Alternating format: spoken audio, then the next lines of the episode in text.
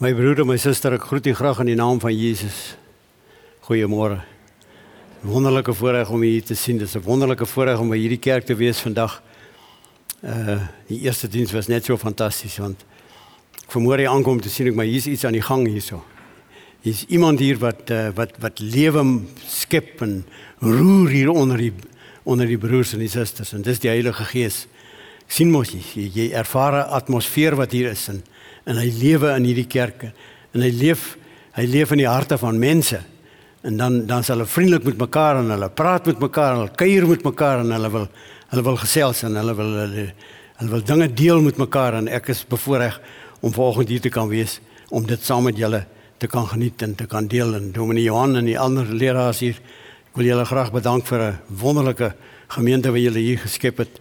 En mense wat hier is alles onder leiding van die Heilige Gees is 'n voorreg om hier te wees. Ek dink die tema wat julle hierdie volgende paar weke gaan behandel, uh, eh, radikale lewe, uh, Jesus uh, radikale lewe in in in Christus is treffend en dit is wonderlik en dit is so nodig in die tyd waarin ons leef. Uh gryp dit aan en maak dit julle eie in en en en dan is die vraagie leef dit probeer dit leef en en en dit is nie 'n maklike een nie maar baie geluk met 'n pragtige tema ek, ek glo hy wil hê ons moet hom volg.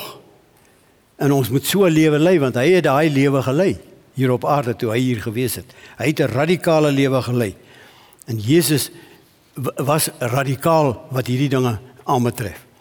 En oor dit waaroor ek gaan getuig, wil ek dadelik sommer dadelik vir u sê dit ek gee al die eer en die lof aan die Here. As dit nie vir hom was, sou ek dit nooit gedoen het die goed wat ek vir u gaan vertel nie. Dit kan net van hom afkom met die gees van die wêreld in jou doen jy nie sulke goed nie. En die Here het oor die afgelope jare my lewe radikaal verander. Was anders gewees ek sal u vertel. En ek gaan u vertel en ek probeer elke dag nog loop in die voetspore van Jesus. En dan lewe jy 'n radikale lewe wat hy wil hê ons moet lewe. Dit wat hy vir ons kom wys het, hy het daaroor gepraat, maar hy het ook hierdie goed vir ons kom wys. Nou oor die jare het ek nader na hom toe gegroei. Vir my lewe was dit 'n proses. Ek het nie 'n Damaskus ervaring gehad nie. Ek het gegroei nader na hom toe. En in die proses het hy groter geword en ek het kleiner geword. Hy het meer geword en ek het minder geword. Hy word alles. Eintlik is ek dan is ek dan niks sonder hom nie. In hom is kan ek in hom is in Christus is ek alles. Daarom uh hou ek nie van die woord ek nie want die eie ek, die wêreldse ek is is is is nie 'n mooi ding nie. Dis die eie ek, me myself and I en dit is baie sleg. Dan raak jy nommer 1 in jou lewe waar Christus nommer 1 moes gewees het. Nou daai ek wil ek doodmaak. Ek probeer elke dag nog om hom dood te maak en hy probeer weer lewendig word. Maar dis 'n proses en dit is nie maklik nie want ons hou daarvan om op ons eie misse op te staan en ek te wees, in 'n manier te wees, en by die huise manier te wees en by die werk een te wees. Maar die Here wil dit nie hê nie. Hy wil op my troon sit en hy verwag van my om hom daar toe te laat om daar te sit. Nou ek is ongelukkig nie 'n uh, uh, opgeleide dominee nie. Uh, so ek kan kan nou dalk van die die woorde in die woord in die Bybel verkeerd ver, verstaan en verkeerd vertolk vir julle verkeerd sê. Hom ek sal maar probeer om so by die by die woord te hou en soos wat die Gees my lei om vir julle hierdie paar goedjies te sê wat ek te sê het. En oor elke oor elke dingetjie wat ek gaan sê, wil ek reg aan die begin sê staan daar geskrywe. Radikale liefde van die Here en die Here se radikale genade. Sonder sy liefde sonder sy genade kan ek hierdie goed nie sê nie, kan nou is niemand van ons iets nie. Ons is niks en ons leef onder sy liefde en ons leef onder sy genade en dit is absoluut radikaal. Dis oorheersend. En daarom oordeel ek ook nie want dit is in sy hande om te besluit oor elke dingetjie en oor elkeen van ons en oor elke ding wat ek gaan sê. Nou eh, sommer reg aan die begin wil ek sê ons ons het een ding in gemeen soos ons nou vanmôre hier is. Ons is almal op reis.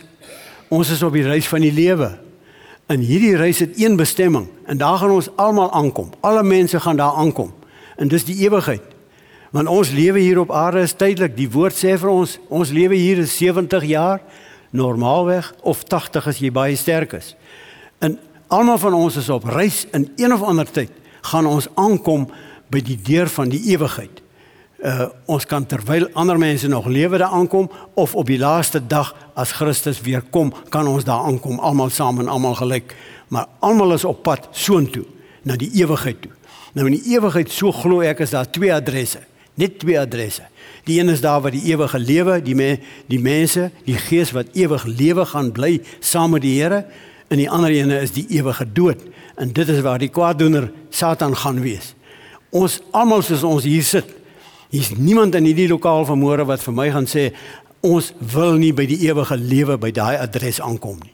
Maar op hierdie pad het die Here ons ons ge, ge, gehelp. Hy, hy het vir ons riglyne gegee om daar aan te kom want hy wil graag hê ons moet daar aankom.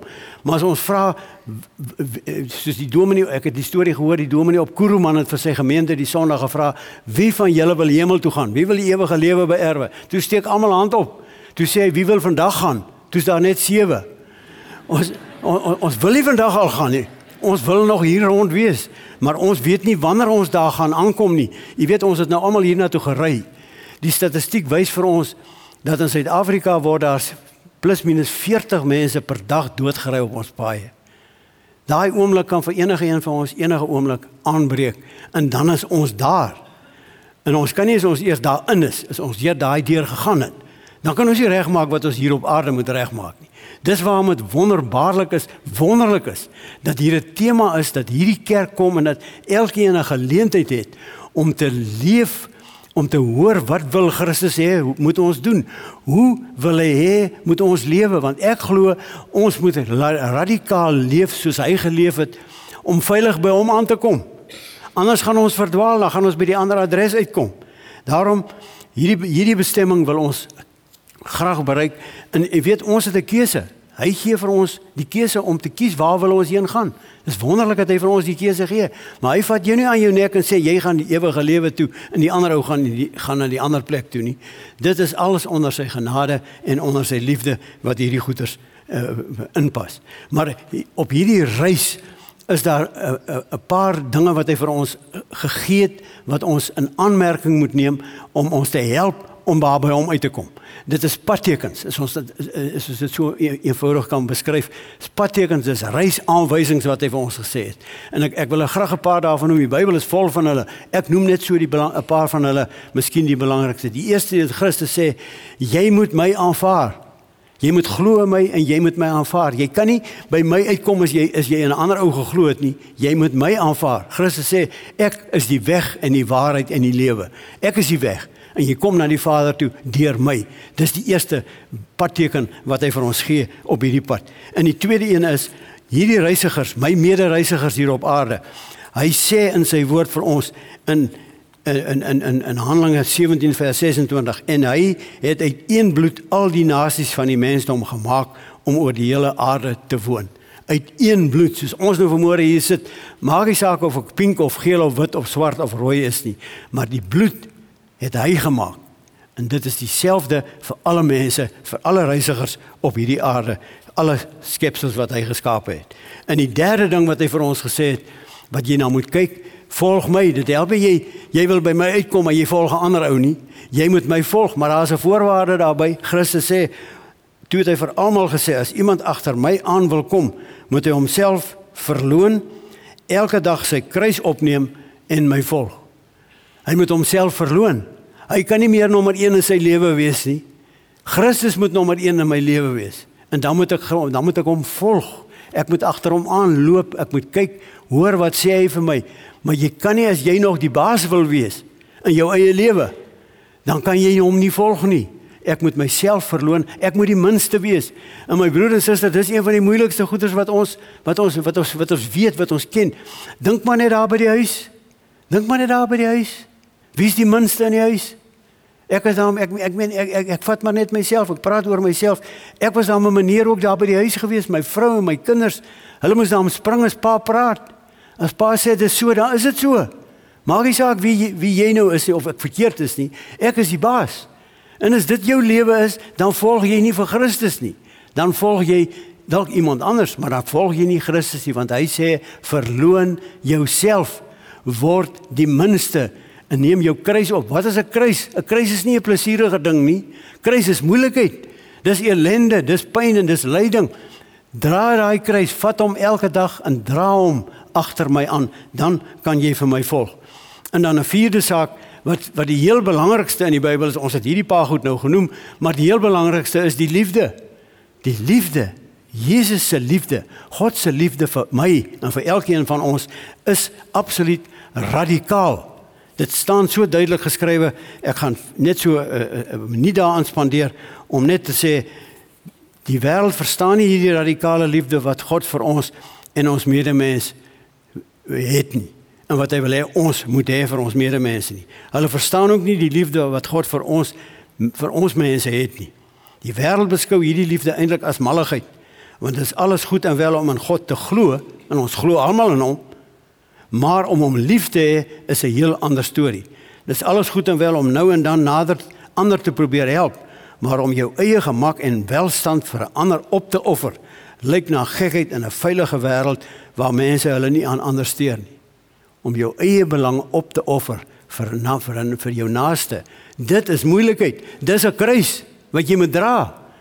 En hy sê as jy my wil volg, dan moet jy dit dra. En as jy agter my aan wil kom in 'n radikale lewe, dan moet jy hierdie goeters, dan moet jy dit net doen. God wil hê ons moet so lief wees vir ander dat ons tot enige uiterste sal gaan om hulle te help. Hierdie man glo God wil hê ons as Christene moet bekend wees daarvoor dat ons gee van ons tyd, ons geld en ons vermoëns. Dis God se soort liefde. Kyk wat het hy gedoen? Die voorbeeld is daar, Christus. Dis die voorbeeld. Wat het hy gedoen? Ek wil hom volg. Maar wat het hy gedoen? Hy het sy lewe opgeoffer vir my. Hy vra dit nie vermoere vir ons nie. Hy vra ander dinge van my, maar hy vra nie dat ek my lewe daarvoor moet opoffer nie. Dan sê hy ook verder: Jy moet jou vyand lief hê soos jouself. Jy moet jou vyand lief hê. Ons haat die vyand. Kom ons kyk in hierdie land, kom ons kyk bietjie. Ons sit nou sommer net so en dink, wie is ons vyande? Wie is ons vyande? Het ek hulle lief? Sal ek na hulle toe gaan en sê vergewe my? Kan ek jou help met iets of skel ek hulle? Dis die, dis dis dis die wat dit is wat die liefde van die Here wil hê wat ons moet doen vir ons naaste. So so so, so gaan hy aan en dan 'n verdere eh, uiters belangrike padteken of 'n reisaanwysing is hy wil hê ons moet omgee vir my naaste. Hy het dit uitgespel. Hierdie goed is nie geheim nie. staan in die woord Matteus 25 vanaf vers 31 en hy hy hy sê as ek weer kom, gaan ek op my troon sit En dan gaan ek almal daar voor my skei soos die skape en die bokke geskei word. Hy het 6 hy het 6 kriteria wat hy wat hy gaan gebruik om ons te skei van mekaar. In die eerste een is ek was honger. In die tweede een is ek was dors. Ek was 'n vreemdeling. Ek was sonder klere. Ek was siek en ek was in die tronk. En dan sê dag sê terwyl al hierdie goeders met die man gebeur het, met jou naaste gebeur het, wat het jy gedoen? Het jy vir die ou 'n stukkie kos gegee, jy vir hom 'n bekertjie water gegee? Of het jy dit nie gedoen nie? En as jy dit nie gedoen het nie, dan gaan jy aan die een kant toe en as jy dit gedoen het, gaan jy na die ander kant toe. Ons in Suid-Afrika is bevoorreg. Ons het 'n geleentheid. Ons hoef nie te gaan soek vir hierdie mense nie. As ons nou hier uitgaan, dan sal ons sekerlik op die straathoeke sal ons van hierdie mense sien staan wat honger is.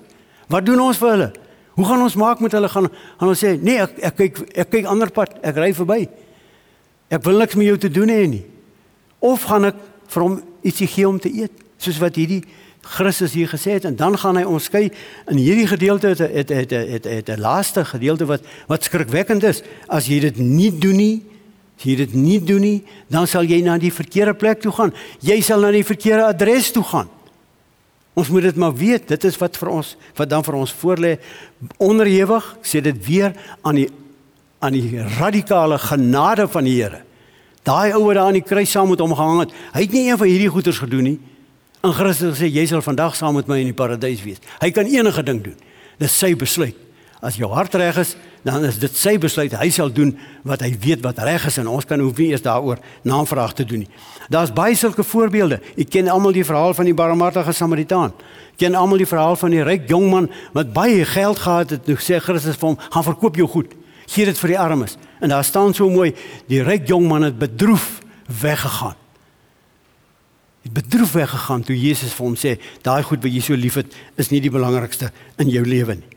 Dan kom ons by 'n by 'n sesde padteken, by 'n sesde riglyn en dit is vergifnis.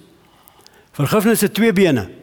Vergifnis sê aan die een kant ek moet as iemand in dit staan in Matteus 5 vers 23 en 24 as ek my offer na die altaar toe bring en dit my byval dat iemand iets teen my het, dan los jou offer daar staan in Matteus 5 vers 23.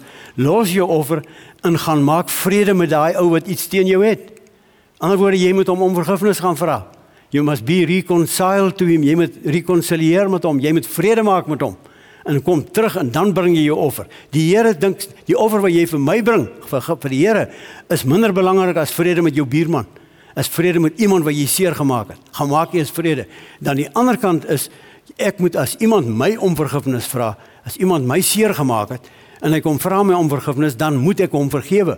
En die die die, die woord is baie duidelik daaroor. Dit staan in die Onse Vader wat ons almal al duisende kere gebid het. Daar staan Vader, vergewe my soos wat ek die vergewe wat teen my gesondig het. Staan daar ons bid dit elke keer, maar dit moet betekenis hê vir ons my broer, as my buurman wat my sleg behandel het, as hy by my kom en hy sê vergewe my, dan moet ek dan moet ek hom vergewe. As my vrou of my kinders wat vir my sleg behandel het, wat my op my tone getrap het, wat my verkeerd behandel het, wat ek wat lelik met my was, dan moet ek hulle vergewe. Dit sê die woord vir my. En toe probeer Petrus slim wees en hy vra, "Hoeveel keer moet ek hom vergewe? 7 maal?" Toe antwoord Christus om 70 maal 7. U ken almal daai storie. Maar dit is vergifnis. Nou vergifnis is vir my uiters 'n belangrike aangeleentheid, want ek ek het in die land 'n werk gedoen waar ek baie mense baie seer gemaak het wat iets teen my het en hulle het dit vandag nog teen my.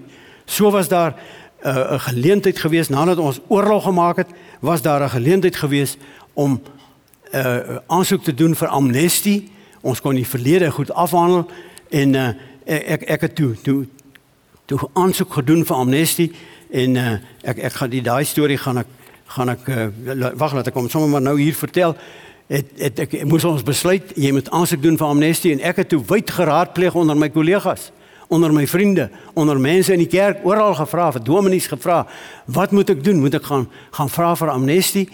Toe sê die ouens vir my die politieke ouens het vir my gesê nee as jy laf want dit beteken jy moet gaan skuld erken jy moet gaan sê die goed wat jy verkeerd gedoen het dan kan jy amnestie kry daarvoor amnestie van vervolging toe sê hulle maar jy het mos eintlik net jou werk gedoen Baie mense sê dit vandag nog. Ek het net my werk gedoen. Ek het in die huis, ek het mos ook regte. Ek staan op my regte. Hoekom sal ek om vergifnis gaan vra? En toe stuur iemand vir my 'n nota en hy sê lees Matteus 5 vers 23 en 24. En dit staan daar as jy weet iemand het iets teen jou, gaan vra vergifnis. En toe sien ek die amnestie komitee as 'n geleentheid om vergifnis te gaan vra, vergifnis te kry van die staat, maar in dieselfde proses te vergifnis te vra van mense. En toe doen ek aansoek vir amnestie vir goed wat ons gedoen het. Ons ons het God se huis opgeblaas. Ons het 'n um, bomme daar geplant en ons het die plek in in in stukke laat uitmekaar skiet en ons het ander goed gedoen wat verkeerd was wat wat normaalweg nie sou gedoen het nie, maar ons het oorlog gemaak. En toe vra ek amnestie en toe kry ek amnestie, maar daar was een saak wat uitstaande was. En dit was die saak van 'n aanslag op die lewe van eerwaarde Frank Chikani. Hy was hy, eh, die sekretaris-generaal van die Suid-Afrikaanse Raad van Kerke, 'n briljante man en hy het die regering van die dag baie moeilikheid gegee, baie invloedryke man gewees. En toe was daar 'n aanslag op sy lewe waarvan ek geweet het. Maar hy niemand wou na vore kom om dit te erken nie en toe kan ons nie aansoek doen vir amnestie nie en toe ons uiteindelik uitvind wat aangegaan het, toe is dit te laat om aansoek te doen vir amnestie. En toe probeer ons vertoerig en allerlei goeters en uiteindelik kom ons word ons by 'n punt gebring waar ons moet besluit gaan ons ontken wat ons kan doen en moet bewys staan in die hof. Ouens sê gaan hof toe, staan in die hof. Hulle moet bewys wat hulle beweer. Maar toe sê ons ons moet ophou met jok want dit is nie die waarheid nie. Ons weet wat die waarheid is. Vertel 'n slag die waarheid. Ons is hele 20 mense bymekaar gewees, vyf polismanne en ek self wat daar bymekaar was en wat gesê het, "Wat maak ons met hierdie ding?" En toe besluit ons daar ons gaan die waarheid praat. Ons gaan na vore kom, ons gaan die waarheid praat. En dit was 'n radikale besluit want almal het ontken. Niemand wou erken die foute wat jy gemaak het nie, maar toets maar vir jouself. Ons erken mos nie graag wanneer ons 'n fout gemaak het nie. Ons erken mos nie die fout wat ons gemaak het nie. Ons steek hom ons weg. Ons sê mos jammer is daai ou jy te verskoning. Toe sê ons ons het nie 'n verskoning nie. Ons het oorlog gemaak en in hierdie oorlog het ons 'n besluit geneem om hom dood te maak. En ons het hom amper doodgemaak as die genade van die Here dat sy lewe gered is. Die polismanne wat gif in sy klere gesit het op Jan Smit se lughawe het toe na vore gekom en toe vind ons uit wat aangegaan het.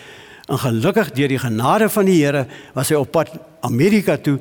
Hy het Amerika toe gevlieg daai selfde dag want hy het 'n windhoek siek geword. Hy het Amerika toe gevlieg. Hy's behandel onmiddellik en sy lewe is gered. Ek dank vandag nog die Here dat dit so gebeur het en dat hy nie dood is nie. Maar feit van die saak is nou sit ons met die situasie en ons kan tronk toe gaan oor hierdie hele besigheid. Verklaringe is by die vervolgingsgesag. Hulle moet nou besluit wat gaan hulle nou doen met met die mense wat hierdie goed gedoen het. Maar hulle moet bewys. Toe besluit ons nee, ons gaan skuld erken. En ons maak verklaringe en ons lê dit af lê dit voor aan die mense en ons hoop dat hulle daar is toe 'n stelsel wat wat bepaal dat ons nie vervolg hoef te word nie en daai stelsel word toe later tot niet verklaar en die vervolgingsgesag besluit dat Adrian Vlok en Jan van der Merwe en drie ander polismanne moet aangekla word. Hulle moet in die hof gaan staan. En toe sê die die die, die advokate vir ons nou het julle al die inligting vir hulle gegee. Nou kan julle moeilikheid kry. Toe vertrou ons op die Here. Ons lê al hierdie goeders voor en ons wag toe vir 'n uitslag wat gaan nou gebeur. En dit was in 2006 wat hierdie goed gebeur het.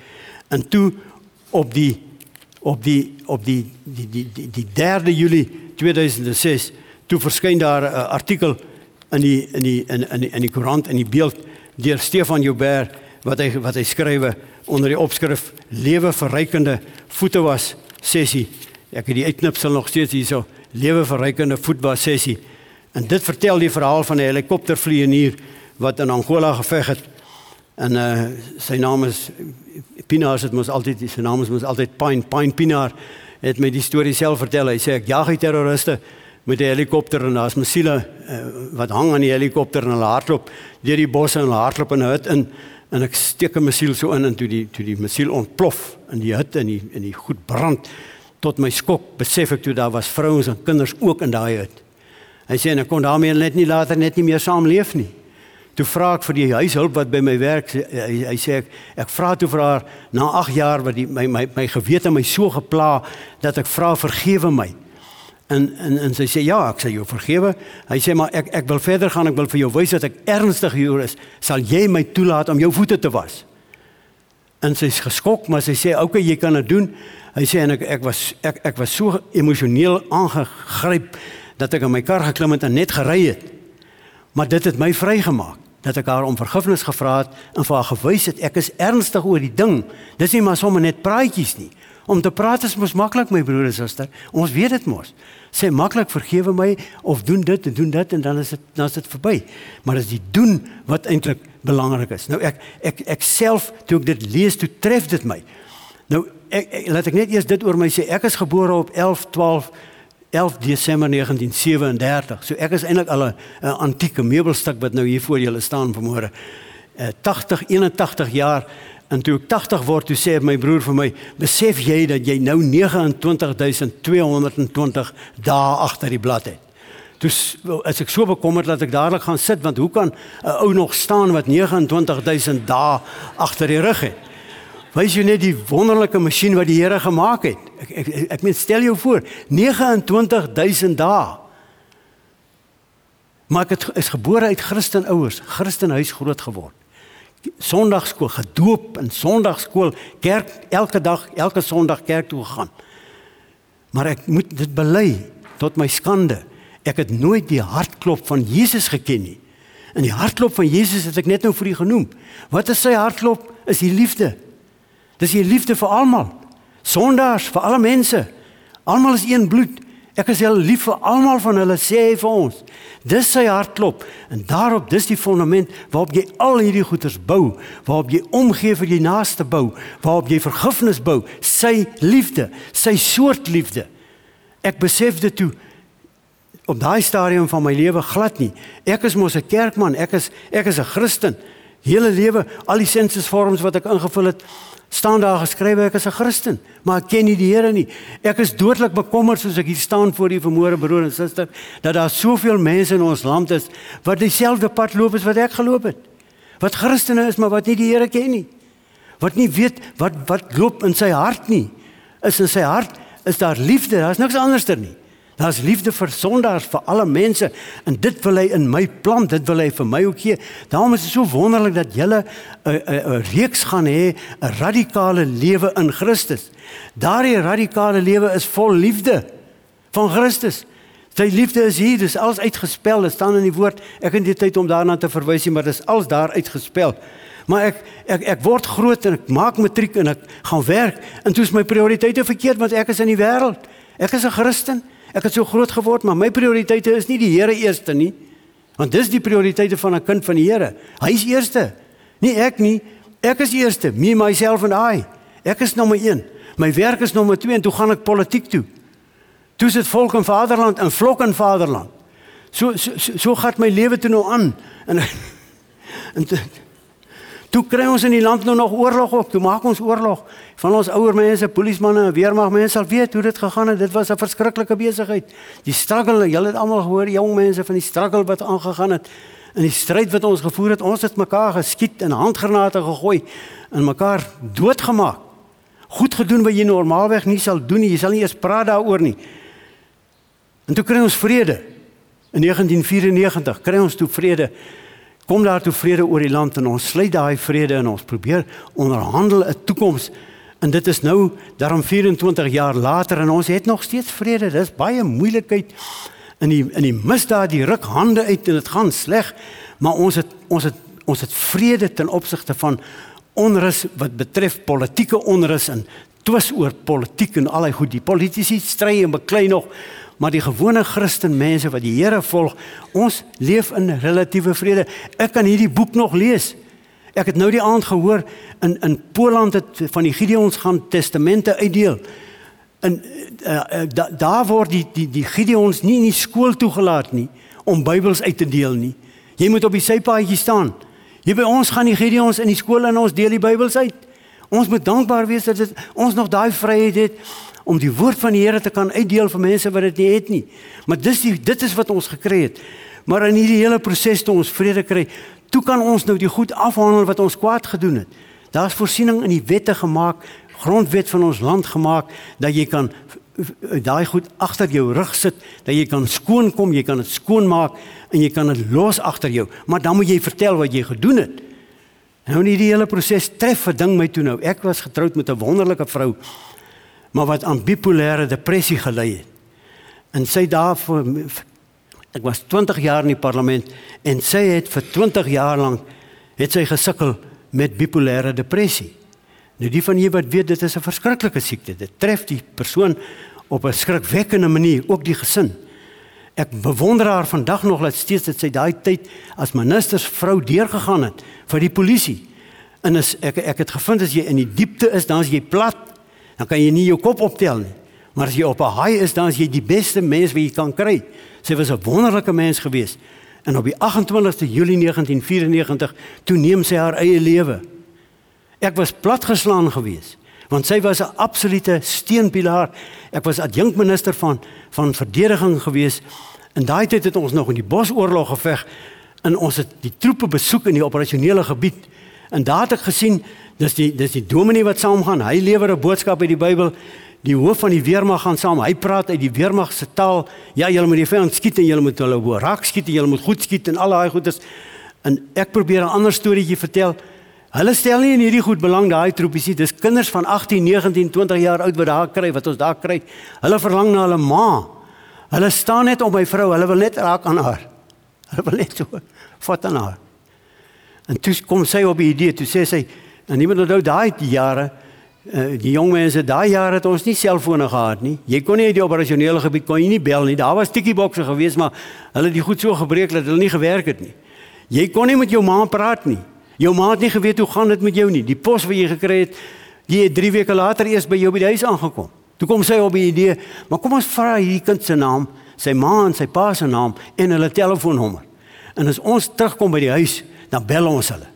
Nou daar het dit so gewerk op Kersdag is ons in die operasionele gebied. En jy eet 'n vroeë ontbyt, dan vlieg jy na die volgende basis toe.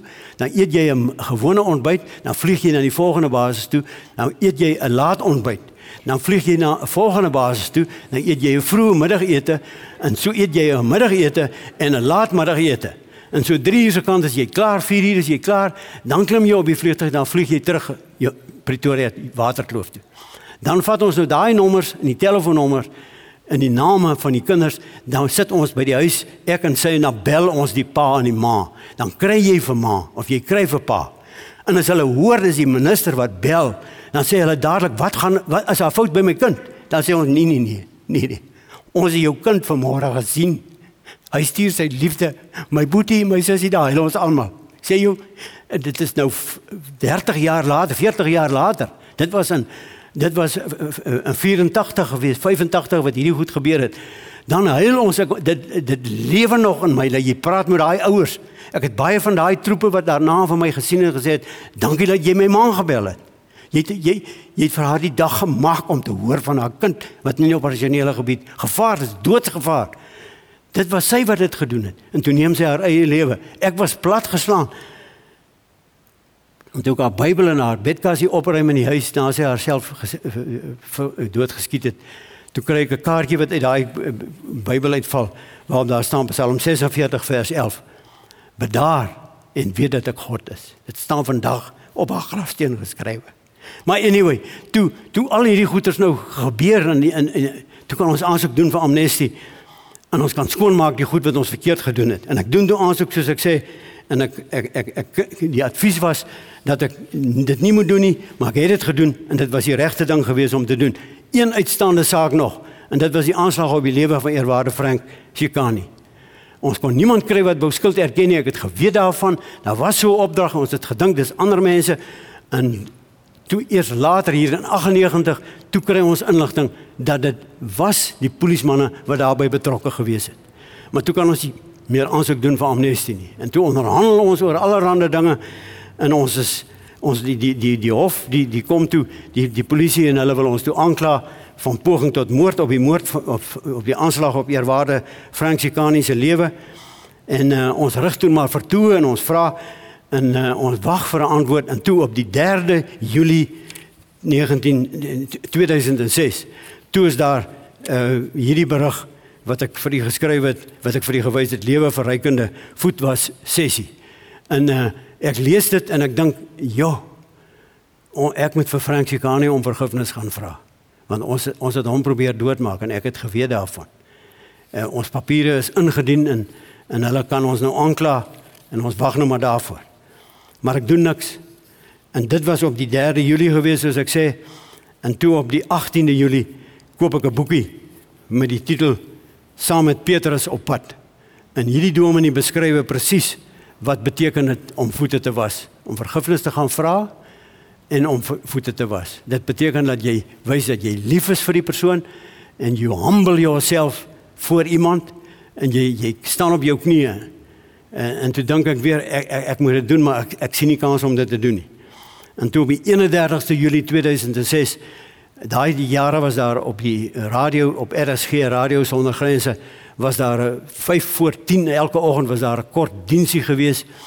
En daai oggend toe lees die dominee Johannes 13 Jesus was die voete van sy disippels en toe ek dit hoor, toe is dit asof die Here vir my sê ek praat met jou. Nou moet jy doen, nou moet jy iets doen. En ek bel sy kantoor en ek vra kan ek hom sien. En ek ry makro toe en ek koop 'n plastiek skotteltjie en ek het twee handdoekies, plastiek skottel want daar is 'n masjien, hulle sal die skottel optel as ek by die ding daar by die kantore by hom ingaan koop ek 'n plastiek skottel dat hulle dit nie kan sien nie. In elk geval, ek bel die meisietjie Tandi sê, "Meneer, ek sal kyk, ek sal vir jou uh, laat weet. Normaalweg moet jy 'n memorandum indien." Sy vra dit nie eers nie. Sy sê ek sal kyk of ek 'n onderhoud kan reël met hom. En dit was Maandag 31 Julie 2006.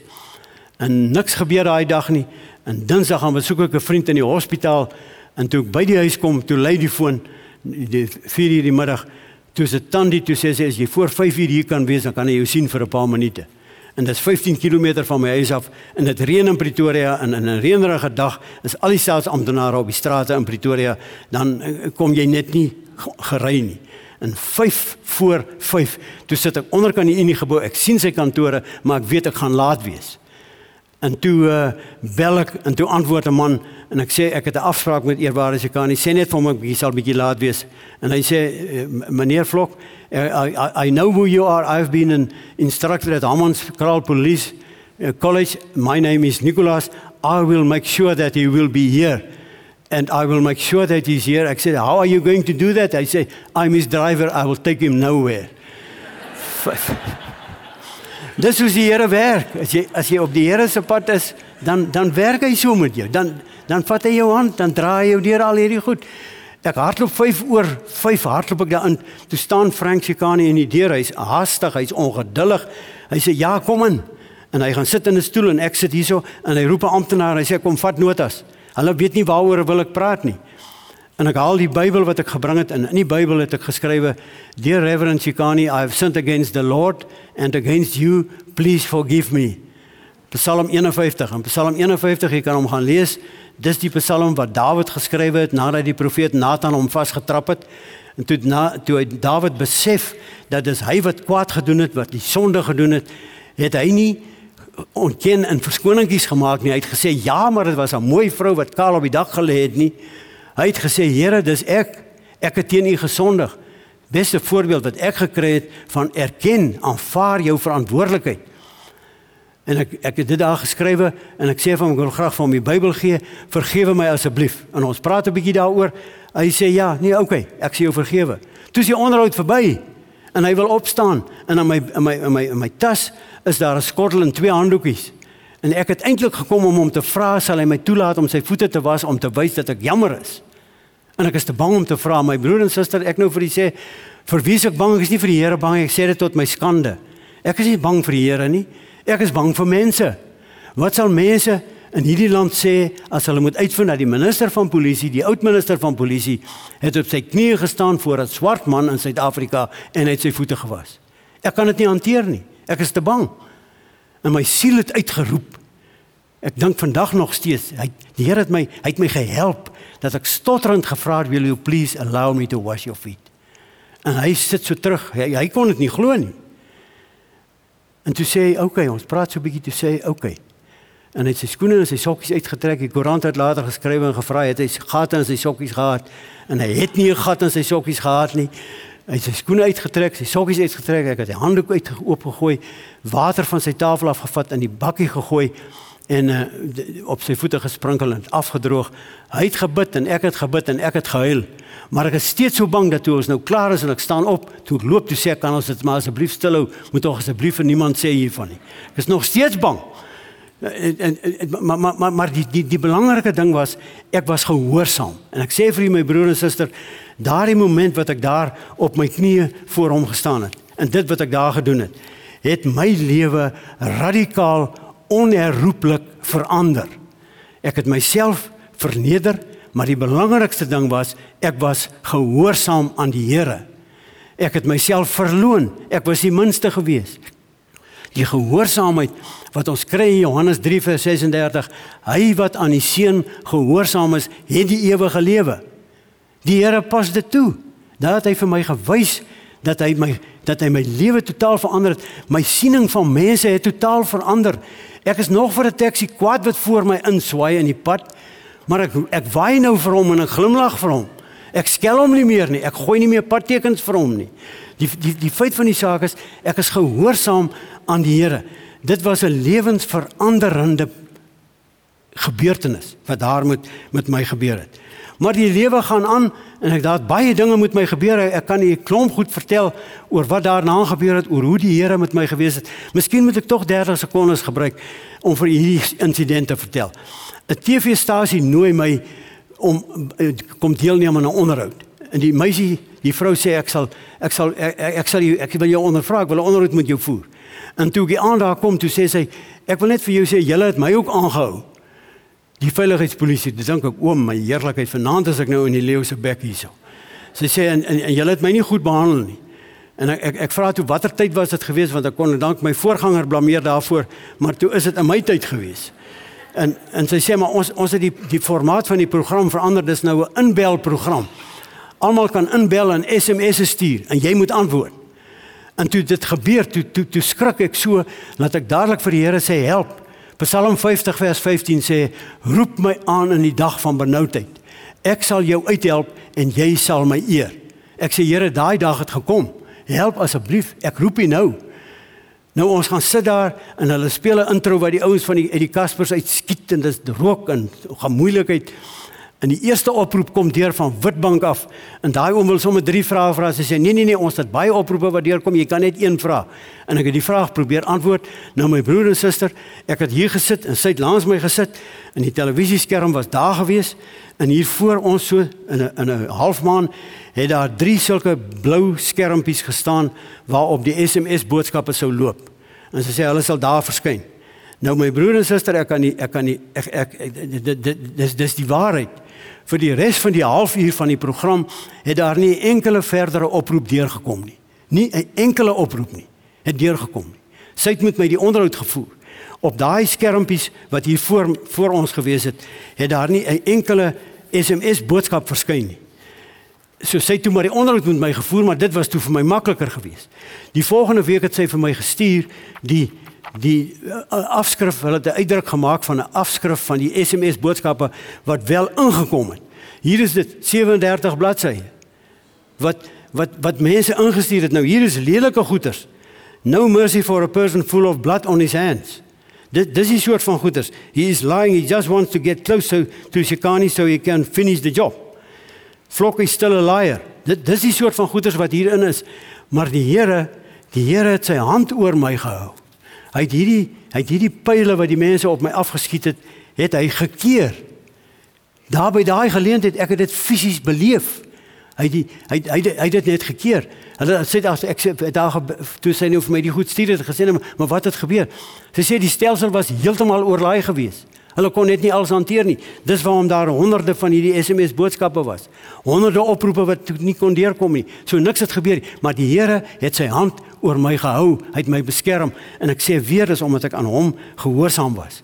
Maar ons word toe aangekla in die hof en op die eerste op die uh, op die die die, die 21ste Julie 2007 toe staan ek aan die Hooggeregshof in Pretoria en dis 'n verskriklike ervaring om daardeur te loop. Jy word aangekla, jy het hierdie goed gedoen en hulle vloek jou en hulle skel jou en jy stap so deur hierdie mense en daar sit jy in die hof.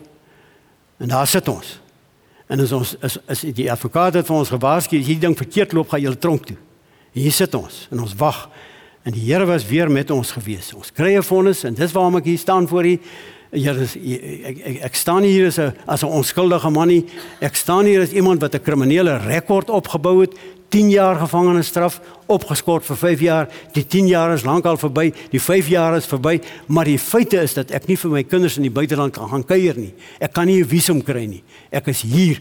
Ek is nie kwaad daaroor nie. Ek is dankbaar oor want nou kom ek by sulke geleenthede soos wat ek vanmôre hier staan om vir julle te kom kuier en hierdie wonderlike ervaring te geniet saam met kinders van die Here, met mense wat die wat die Here ken. Maar maar maar, maar dit is waar jy waar jy moet deurgaan. Dis soos die Here my my my gelei het en dan los hy jou nie. Hy dra jou daardeur want hy is getrou. Hy wil net hê jy moet gehoorsaam wees aan hom. Nou sê dit daai tyd, dis nou dis nou 12 jaar. 2018 was dit 12 jaar gewees. Probeer ek loop in sy voetspore. Ek probeer in sy voetspore loop. En dis nie maklik nie. Dis dis dis dis moeilik want in sy voetspore moet jy die minste wees. In sy voetspore moet jy sy liefde uitlewe. En dit is maklik om daaroor te praat, maar hy wil hê jy moet dit uitlewe. En ek sukkel om daar by te kom. Ek moet eerlik sê, ek sukkel is moeilik, ek skiet te kort. Maar dit is 'n wonderlike ervaring om aan Jesus gehoorsaam te probeer wees en hom te dien uit dankbaarheid vir wat hy gedoen het. Maar dan moet ek dan moet ek daarmee afsluit. Ek moet daar by die einde moet ek daarby kom en vir u sê dat dit staan ook hier, dit is nie genoeg om net te praat nie. Daar's 'n verskriklike gedeelte in hierdie woord in in in Matteus 7 waar hy sê nie elkeen wat vir my sê Here Here sal in die koninkryk van die hemel ingaan nie. En ons wil almal aangaan. Maar net hy wat die wil van my Vader wat in die hemel is doen. Doen. Baie sal daardie dag vir my sê Here Here het ons dan nie in u naam gepreek nie. Deur u naam bose geeste uitgedryf en deur u naam baie wonders gedoen nie. Dan sal ek openlik vir hulle sê ek het julle nooit geken nie gaan weg. Hy woorde wil ek nie hoor nie. Want ek wil die ewige lewe beerwe. So dit bring my terug by die weet die puntjie wat ek probeer maak en dit is dis nie genoeg om net te praat nie. Dis nie genoeg om net met die mond te bely nie. Dis nie genoeg om net dinge te sê nie. Die Here wil hê ek moet ook doen. Nou kyk hoe lyk die wêreld rondom ons. Kyk hoe lyk ons land. Dis elende, misdaad, verskriklik. En mense probeer alles, menseregte, maar my broer en suster, dit gaan nie help nie. Daar's net een pad wat ons kan loop en dit is die pad van Jesus. Maar om sy pad te loop moet ons ons verootmoedig. Om sy pad te loop moet ons die minste wees. Hy sê dit. Ek het dit vir u gelees. Dis nie my woorde nie. En dit gaan nie hierdie goed oplos menseregte en al hierdie goeders nie. Ons het radikale verandering in Jesus nodig om hierdie pad te kan loop. En hoe lyk dit? Die Bybel sê vir ons. Bybel sê vir ons toe daai eerste gemeente gestig is, dit tref my toe ek dit lees. Al die gelowiges was een eensgesind en het alles met mekaar gedeel. Hulle het hulle grond en besittings verkoop en die geld aan almal uitgedeel volgens elkeen se behoefte. Hulle het almal elke dag getrou by die tempel bymekaar gekom, van huis tot huis die gemeenskaplike maaltyd gehou, hulle kos met blydskap en in alle eenvoud geëet en God geprys. En die hele volk wat was van hulle was hulle goedgesind. Tye het verander. Maar die beginsels bly dieselfde. Waar is ek?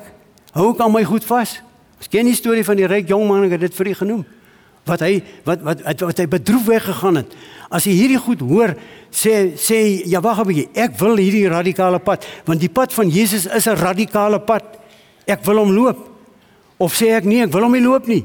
Ek wil maar aangaan op my ou manier. sien die mense 'n verskil tussen my en die wêreld? Of sien hulle nie 'n verskil nie? Ek glo as ek die pad van Jesus loop, dan sien die wêreld 'n verskil in my. Dan is ek anders. Want dan doen ek ander goed as wat die wêreld doen. Die goed wat ek gedoen het toe ek die Here nie geken het nie, is die goed van die wêreld. En ek het nie uitgestaan in die wêreld nie. Maar ek het nie sy goed gedoen nie. Ek het nie sy pad geloop nie. Ek moet 'n radikale pad loop. En waar begin ons my broer en suster? As ons nou daaroor praat, waar begin ons by 'n gemeente van 500? Nee. Ons begin by myself. Ek, by die een. Jesus praat met my. En hy sê vir my, ek verwag dit van jou. Verloon jouself. Loop die pad van my liefde. Gee om vir my naaste. Gee om vir jou naaste, want hy is ook my naaste. Christus mos nie hier nie. Ons kan dit net aan die naaste doen. En hulle is hier. Baie van hulle, ek het net ook gesê ons sien hulle op die pad. Wat doen ek? Of praat ek net daaroor? Soveel mense die verskoning sê nee, maar jy moenie dit doen nie. Sê jy gee by die kerk. Ons gee by die kerk en die kerke doen wonderlike goeders. Maar die Here verlag van my. Ek sal moet verslag doen. Daai laaste dag sal ek moet vers, verslag doen. Ek sal moet antwoord. Het ek 'n hongerige ou ietsie gegee? Dors mense iets gegee? Het ek ou wat in die tronk was gehelp of wat het ek gedoen?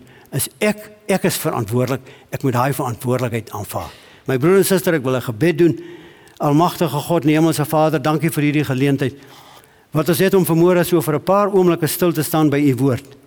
Vir 'n paar oomblikke te besin oor die pad wat Jesus wat u seun hier op aarde geloop het. 'n Radikale pad wat hy geloop het. Radikale dinge wat hy gedoen het. Here, u verlang dit van ons. U verwag dit van ons. U woord is baie duidelik daaroor. Ons het gehoor wat hy geself kom sê het wat ons moet doen en hoe ons moet leef. Here uit eie krag kan ons dit nie doen nie. Daarom pleit ek vanmôre by U Here dat U met elkeen van ons wat hier bymekaar is, wat vanoggend hierdie woord van U gehoor het, dat U ons sal help, dat U ons sal bystaan, dat U ons sal krag gee, dat U ons sal moed gee. Here dat U ons sal begenadig dat ons die pad sal loop wat Jesus U seun vir ons hier uitgestippel het, vir ons uitgeloop het, uitgetrap het. Gee ons krag en genade om elke dag ons kruis op te neem en in sy voetspore te loop in die naam van Jesus Christus. Amen.